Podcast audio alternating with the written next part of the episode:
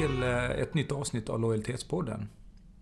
Tack säger jag då antar jag. Ja, för det ja, gör- ja, ja, jag riktar mig både till dig Dan, men även till våra kära lyssnare. Just det.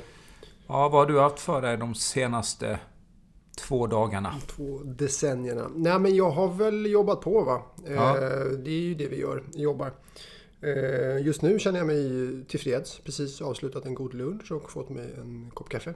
Ja, att, eh, bra form får jag säga. Själv då? Du, ja, det är samma sak här. Vi, vi, vi är helt enkelt redo att dela med oss av våra erfarenheter. Så är det. För det är ju det den här podden handlar om, såklart. Ja, inte vilka erfarenheter som helst. Alltså det är inte blandat hur som helst. Nej. Vi fokuserar ju lite grann på det här med NPS och, och kundlojalitet får man säga. Just det. Ja, nej men... Eh, och varför vi tycker att vi kan eh, dela med oss, det är ju helt enkelt för att vi har hållit på med det rätt länge. Tio år sedan är det nu sedan jag och min, eller vår kollega Niklas var och certifierade oss. Det var ju... Ja, det är ju länge sedan nu. Det är ett decennium. Men Ja, det är faktiskt. ja. Och det är-. Tio år, va? Ja. Ett decennium, tio år. Ja, Ja. Skämt åsido. Men eh, sen dess har det ju hänt mycket, både vad det gäller NPS som sådant. Metoden har ju utvecklats en hel del. Eh, men framförallt så har ju intresset kring att jobba med kundlojalitet och NPS dramatiskt ökat. Ja, så är det verkligen. Eh, när, när vi drog igång där, ja, jag har ju hållit på med det här i sju år nu tror jag. Eh, när jag kom in i matchen så var, ju, var vi ute och missionerade ganska mycket för företag kring Mm, metoden och så vidare. Nu är det ju, känner de flesta till NPS-metoden. precis. Nästan alla arbetar med den på ett eller annat sätt. Eh, så det är en helt annan spelplan nu för tiden. Ja, det är det. det, är det. Eh, men det betyder ju inte att det finns en hel del utmaningar eh, med att jobba med NPS som metod. Det är ju vanligt att många företag mäter, men jobbar inte så mycket med, med, med NPS som metod. Och, och det är ju lite sånt som vi ska försöka prata lite mer om. Och eh, idag så eh, tänkte vi att vi skulle fokusera den här lilla stunden på business to business-företag. Och vilka utmaningar de står Exakt. inför. Mm. Metoden funkar ju väldigt bra inom både business to business och business to consumer. Eh, Men det kan ju skilja sig lite grann hur man jobbar med den och de olika utmaningar man har. Så vi tänkte fokusera på det, eh, dela med oss av det vi har lärt oss genom åren. Det är ju, är det snart 15 år sedan, mer än 15 år sedan som Market Mm. Direction eh, drog igång. Hur, vad, hur kom ni in på det här med NPS? Liksom? Ja, eh, egentligen så är det ju en- såklart som mycket annat. Det är följd av eh, det ena leder till det andra. Eh, men på den tiden så, när vi startade företag så jobbade vi väldigt mycket med kundpaneler. Eh, byggde upp kundpaneler åt företag som då fick möjlighet att väldigt snabbt och enkelt kunna kommunicera med en grupp människor och, eh, eller kunder och därigenom få väldigt snabbt svar in på i olika beslutsprocesser och annat. Men det vi märkte då att eh, de som var engagerade i de här panelerna att, att eh, inställningen till företaget ändrades och vi började också ställa frågor kring om man kan tänka sig att rekommendera, inte då kanske så som NPS-metoden var, men, men den typen av frågor. Mm. Och eh, såg att lojaliteten helt enkelt förändrades med tid eh, som man var aktiv i de här panelerna. Och sen så eh, kom vi ju i kontakt med NPS som metod och började utforska den och eh, eh, insåg att det här kan vara en spännande metod och, och, och jobba vidare med. Och sakta men säkert så har vi under årens lopp blivit mer och mer fokuserade till att, som det är idag, helt fokusera på, på NPS som metod. Då. Så det har väl varit en resa på ungefär en 5-6 år innan vi, innan vi hamnar in i det här NPS-spåret. mm. Så idag har vi väl gjort en, ja, en hundratals olika typer av, av projekt inom, inom NPS-världen. Så att eh, eh, vi vet vad som funkar och Ja. vi vet vad som... Funkar mindre Var det kan finnas utmaningar och annat. Ja, men sen är det ju eh, intressant och om man tänker på hur det har utvecklats på, hos, våra kunder. Att från att man mäter saker till att man faktiskt jobbar väldigt metodiskt och Mm. systematiskt med NPS. Och, och all, alla delar i ett NPS-program som har växt fram. Eh, så det är ganska stor skillnad på Ja, det är det verkligen. Det är verkligen. Det har gått mycket från att vara fokus på nyckeltal till att faktiskt bli en, eh, mer av en managementmodell. Att hur man styr och sitt bolag utifrån eh, kundupplevelser. Så att eh, det har varit en stor skillnad. Och en väldigt kul resa. Väldigt roligt, roligt, roligt att jobba med den här typen av frågor. Ja. Och, och med det sagt ja, så kommer vi väl in till vad avsnittet idag ska handla om. precis. Vi tänkte att, som sagt var att vi skulle fokusera på det här med eh, NPS inom B2B. Mm. Och då kan vi bara säga att eh, så som det ser ut idag, för oss ungefär så är det väl typ hälften av våra uppdrag inom B2B och hälften inom, eh, på konsumentsidan, skulle jag tro. Om jag bara, Ja, ja. men det stämmer.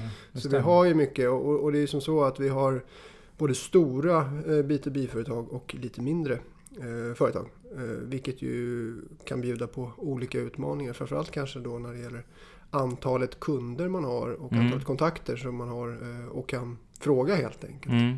Ja, men det, den frågan får vi ofta. Så att, men vi har ju inte så många kunder. Eh, kan man jobba med NPS då? Eh, blir det relevanta nyckeltal och annat? Då? Och då säger vi att jo, men det kan man visst det. Men det gäller bara att eh, anpassa sig utifrån de förutsättningarna. Mm. När man tänker B2B så, och, och jämfört då med kon- konsumentundersökningar så, så en sån här grundläggande skillnad är ju anonymitet. Eh, Mm. När man svarar som respondent.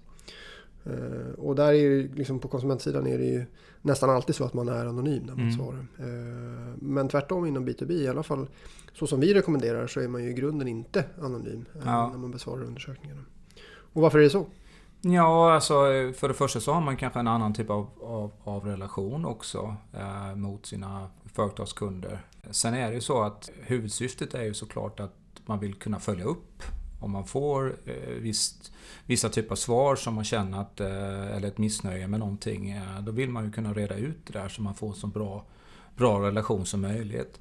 Så, så att det är ju egentligen prio ett att se till att undersökningar inte är anonyma så att man kan säkerställa att man faktiskt kan agera. För det är ju det som är väldigt, väldigt viktigt. Att man faktiskt tar action på, på det man får reda på från undersökningarna. Ja, och sen är det som så att i B2B-sammanhang så är det ju ofta viktigt, varje enskilt svar är ju väldigt viktigt. Vad, vad, en, vad en person tycker på ett företag kan ju vara helt avgörande för Precis. framtida affärer. Så att, Och det har vi ju varit med om i, eh, tidigare, ja, i början av vår NPS-karriär när det inte var helt givet att, att undersökningarna skulle vara eh, icke Icke vara anonyma. Mm. Så, så hände det ju vid, något tillfälle att eh, när vi fick avvikande svar eh, från viktiga kunder så gick det ju helt enkelt att följa upp det eftersom, eftersom de var anonyma. mm, Så att där, där kan man göra en stor tabbe genom att och, och, eh, låta undersökningen vara anonym. Men man måste ju naturligtvis informera om det på ett vettigt sätt. Eh, Så där har ju inbjudan till en, en undersökning en väldigt stor, stor eh, betydelse. Så är det. så är det absolut. Man måste vara tydlig med att man inte är anonym. eh, Och sen så brukar vi också alltid rekommendera att om det är så att man tänker följa upp svaren eh, från undersökningen så, så har vi gärna med en kontaktfråga. I. Även i undersökningen där man säger att är det okej att vi kontaktar dig eh, med anledning av dina svar. För att som respondent så ska man ha den möjligheten i alla fall Ja. att säga att nej men jag vill inte det. Nej. Eller jag vill. Och Ja. i B2B-sammanhang ska vi säga att nästan alla vill. Ja, ja Alltså men det, det- det, det är ju så att man vill ju ha en så bra relation som möjligt. Man vet ju det som, som kund att om jag, om jag har en bra relation så gynnar det mig och mitt företag. Och, och, eh, så, så att därför så är ju andelen som säger att det är okej att bli kontaktad väldigt hög. Mm. Sen, sen är det ju så också att i, i själva inbjudan så måste man ju också såklart in, informera om enligt GDPR och vad, hur man tänker hantera kontaktuppgifter och annat. Då. Så att bara man gör det tydligt så eh, är vår starka rekommendation att undersökningen inte ska vara anonym. Yes. En annan sån här lärdom som vi har eh, dragit genom åren är väl att det är superviktigt att skicka ut undersökningen till alla kontakter man har. Eh, Just Annars det. är det lätt i B2B-sammanhang att man tänker att eh, det är bara beslutsfattarna eller den man säljer till kanske som, som eh, man undrar vad den tycker. Men, men vi har lärt oss att det är superviktigt att och eh, få in så mycket input som möjligt från, från alla som man har kontakt med.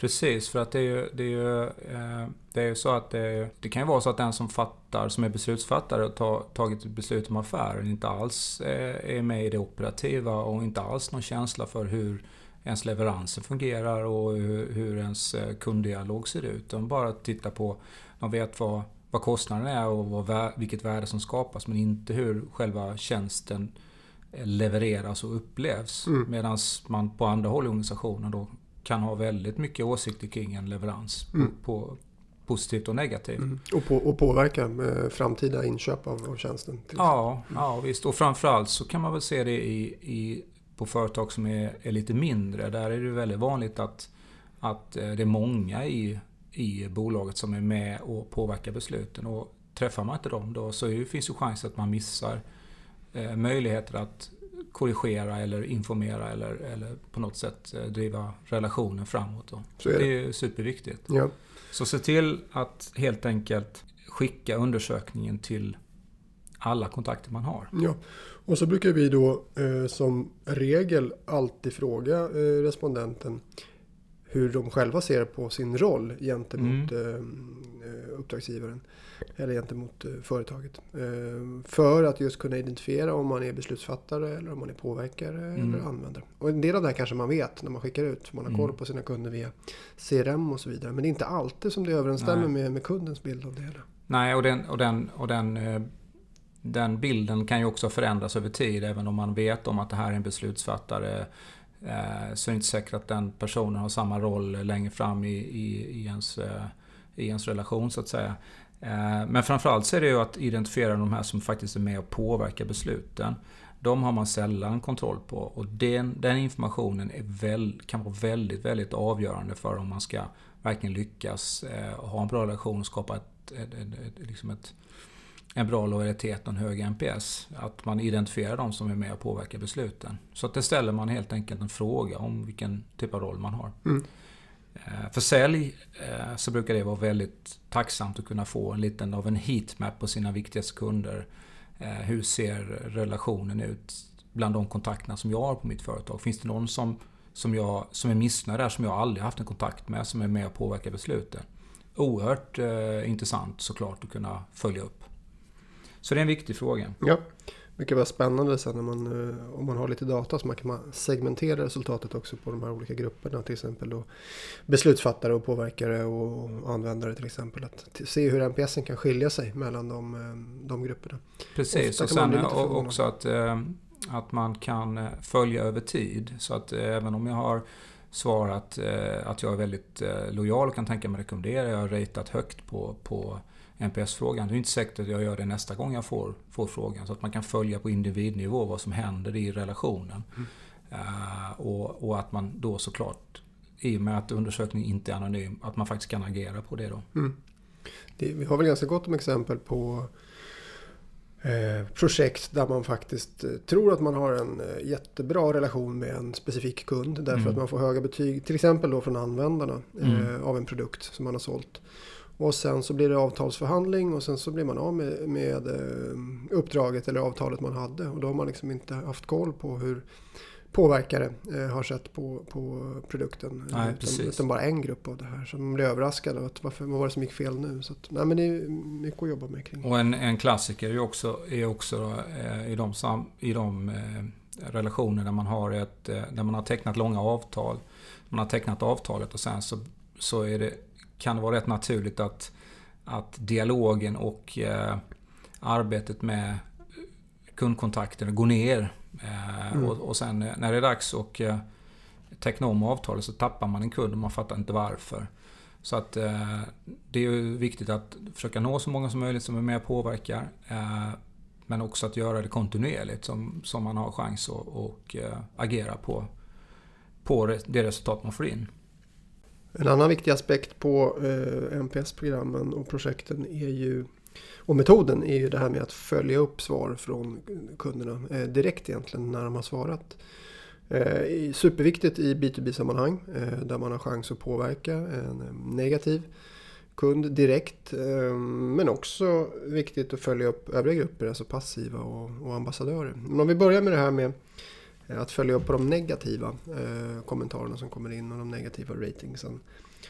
Eh, så handlar ju det då om att dels som vi var inne på ställa frågan i undersökningen att det är okej okay att man följer upp med anledning av, av svaren i enkäten. Och då vet ju vi att det är många som, som tycker att det är okej. Okay.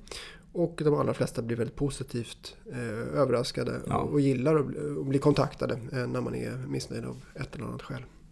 Så ska man ju säga också att, att eh, eh, vid väldigt stor andel av de här tillfällen där man har en kundkontakt som har svarat negativt eller skårat lågt på den här NPS-frågan.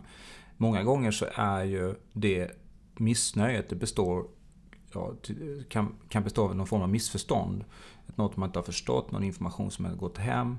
Och genom att då kunna snabbt kunna koppla upp och diskutera eh, hur man har svarat på, på enkäten så har man möjlighet att, att, att rätta till det direkt och, och därmed också direkt påverka den här personens uppfattning. Ja, ja så är det. och, och, och Många gånger så kan det fungera som en väldigt god anledning att ta kontakt med kunden. Mm. Eh, kanske man inte har löpande att, eh, så många tillfällen att, att eh, liksom på ett naturligt sätt kontakta sina kunder. Och det här är verkligen ett sånt tillfälle man ska eh, använda sig av.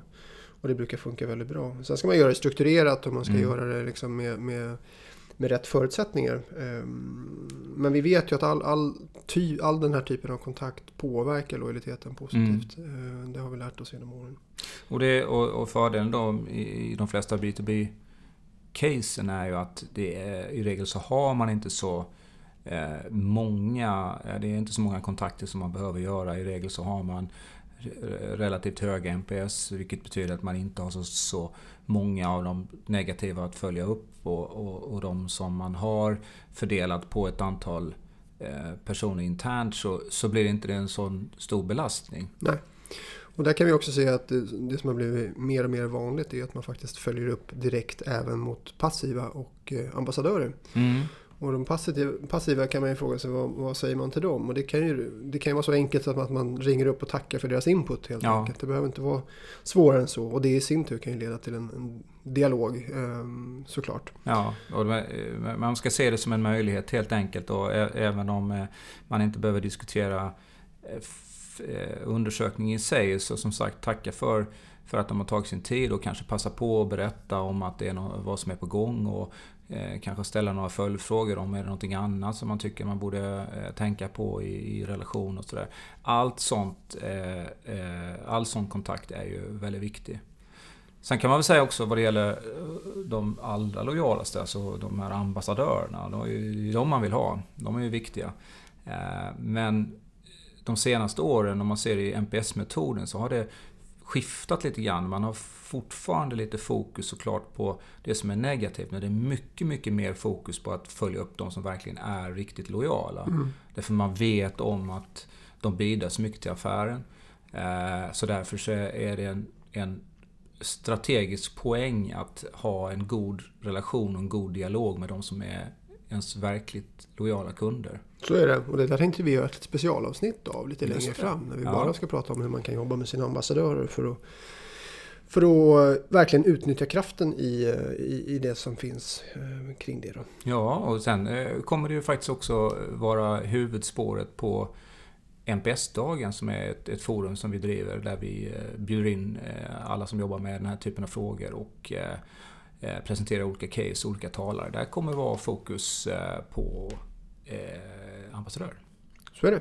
Yes. Okej, okay, men är, är det någonting annat som är viktigt att tänka på när det gäller mätningar mot B2B-företag? Ja, men det finns en massa saker att tänka på såklart. Men en viktig sak som, som, ja, som vi driver ganska mycket är väl att se till att man får in input löpande. Så att man inte fastnar vid att göra till exempel en undersökning per år eller liknande. Som, som det kanske ofta var förr i tiden. Men med NPS-metoden så är det här med att få in feedback löpande är, är ju väldigt centralt.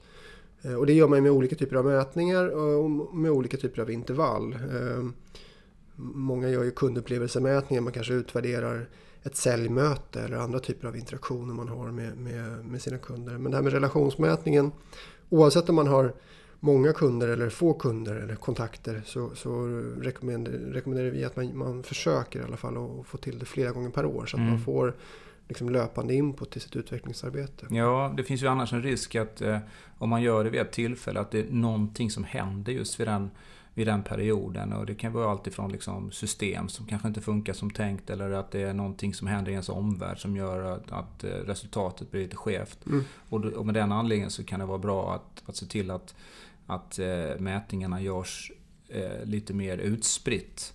Eh, en annan sak är ju med det, det är ju också att det får ju en, helt, en, en annan attention internt. Att göra någonting vid, vid ett tillfälle om året eh, under en period. Istället vid flera tillfällen, så hela tiden så får man ju upp, eh, upp eh, engagemanget kring, kring kundinsikterna. Så är det. Och, och är det som så att man har tycker att man har lite data, att det känns liksom inte stabilt statistiskt sett så kan man jobba med slå ihop mätningar, resultatet från flera mätningar och jobba med glidande medelvärden och, och sådana saker. Ja, precis. Och det går alltid, det går alltid att hitta eh, en lösning för det då. Men, men samtidigt så, det, så, tycker jag också det handlar mycket om det här med om du ska jobba med aktivt att, att följa upp på de svaren du får. Mm. Så sprider man ju även ut det. En del tycker liksom att, ja men har vi verkligen resurser för att följa upp det här? Eh, ja, eh, det får man ju se till att skaffa sig då. Men om man delat upp delat upp mätningen under ett flertal tillfällen så blir det i alla fall mindre volym att hantera vid, vid, vid, varje enskilt tillfälle. Mm arbetet är förstås eh, att få ut då kundinsikter och det som kommer in eh, internt i organisationen så att alla är medvetna om mm. eh, ja, dels att det pågår undersökningar men också då hur, hur, vilka svar som har kommit in och vilka slutsatser man har dragit i sin analys. Och, och i B2B-sammanhang så finns det ytterligare en aspekt av det där och det är att se till att de säljare som har direkt kontakt med kund verkligen får reda på om deras kunder har svarat på ja. en undersökning och vad de har sagt. För kommer man ut på ett säljmöte så vill man ju såklart ha den informationen. Och, ja, det är ju superviktigt. Mm. Och sen är det också det att man, eh, man kan ju fundera på vad är det för typ av forum man har internt där man kan eh, ta med sig information ifrån, eh, ifrån de olika undersökningarna och, och dela med sig av. Så att det kommer upp på agendorna är superviktigt. Det är också väldigt vanligt att, att när man rekommenderar någonting så är det väldigt mycket Eh, personlig kontakt eller personer som har utmärkt sig på ett speciellt sätt som har gjort att man verkligen känner sig riktigt lojal. Eh, så det är vanligt att vissa personer namnges och, som riktiga stjärnor och det är naturligtvis superviktigt att man ser till att sprida det så att eh, de får det till sig. Då. För att det skapar ju engagemang och ett intresse. Så att delge resultatet är ju kanske det allra, allra viktigaste. Det gäller bara att hitta rätt forum och rätt format för hur man ska göra det. Så är det, absolut. Jaha, men du, det var mycket snack här om NPS. Och vi, vi kan ju prata om det här i flera timmar. Ja. Risken är väl kanske att många lyssnare... Somnar. Ja, ja eh, att man använder det som någon slags sömnterapi. Ja, ja, det är ju inte det sämsta. Men om vi skulle bara... Vi måste ju avsluta här. Ja. Ehm, om vi ska sammanfatta våra viktigaste råd och tips när det kommer till eh, NPS inom B2B. Vad, vad, hur gör vi det? Ja, men då, då tänker jag så här då. Nummer ett, eh, se till att undersökningen inte är anonym. Bra. Och nummer två, att man skickar till alla kundkontakter som man har på företagen. Ja, ja. Eh, nummer tre är att man identifierar roller, alltså vilket, vilken roll personerna, kontakterna har i förhållande till er som företag. Mm, och där ska man inte alltid förlita sig på vad man tror sig veta. Nej, det är bra att ställa den mm. eh, i, i, undersökningen då. Ja. Eh, eh, och nummer fyra, och att följa upp och följa upp alla som vill bli kontaktade. Det vill säga inte bara de som är negativa detractors eh, utan även de som är passiva och de som är ens eh, ambassadörer. Mm. Följ upp alla som vill bli kontaktade. Mm. Och eh Fem, se till att eh, göra mätningarna löpande under året. Se till att få in information kontinuerligt. Mm. Och eh, det sjätte tipset eh, är att, och kanske det viktigaste, är att se till att förvalta resultatet såklart på så bra sätt som möjligt. Dela med det till medarbetare. Se till att utnyttja de forum ni har för att eh, förmedla resultatet. Det ökar engagemanget och eh, eh, lägger grunden till en bra fortsatt dialog. Väldigt fin sammanfattning måste jag säga. Ja, jag tycker det. Den, den, känns, den känns äkta. Ja, vi tror ju på den. Sammanfattningskungen. Just det, så kan man kalla mig också. Ja. Men och det är klart, som du sa där, det finns ju mycket att tänka på och det finns mycket information att få till sig. Och det kan man göra lämpligtvis via vår hemsida marketdirection.se. Så är det. Där kan man läsa eh, massa grejer. Massa case har vi där till exempel. Som ja. är bra. Mm. Precis. Case brukar ju alltid vara ett bra sätt att, eh, känna igen sig och förstå utmaningar och hitta lösningar. Sen Sen kan kan man man kontakta om oss man- också om man vill. Jag tänkte precis på det. Om man vill kan man ju faktiskt kontakta Ja, oss. ja det, är ju, Det är det, det får man gärna. Ja, Eh, ja men bra Dan. Eh, eh, vi, vi känner oss rätt, eh, rätt nöjda. Jag tyckte det var ett bra, starka tips alltså. Verkligen. Vi Och håller man inte med oss så får man gärna eh, ringa och säga ringa. Ja. Det kan man göra. Ja. Mejla, ringa. Och, eh, säger vi tack och hej för den här gången. Mhm, Ja. Tack och hej. Ses vi kanske i ett annat avsnitt. Ja, Hej då. ha det bra. Tja! Ciao.